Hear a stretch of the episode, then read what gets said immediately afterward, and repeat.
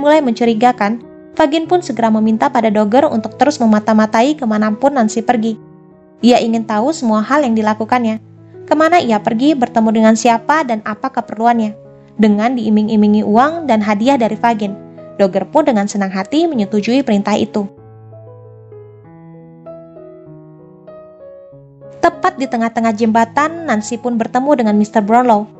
Di kesempatan itu, Nancy menceritakan semua kejadian yang sebenarnya pada Mr. Brownlow mengenai Oliver yang kini tengah ditahan oleh komplotan para pencuri.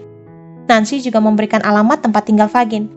Bahkan Nancy juga meminta agar Mr. Brownlow segera melaporkan semua hal ini kepada polisi di malam itu juga. Dan setelah itu, Nancy pun bergegas pergi meninggalkan Mr. Brownlow. Dogger yang melihat dan mendengar semua percakapan Nancy dan Mr. Brownlow pun segera bergegas pergi dan segera melaporkan hal itu kepada Fagin.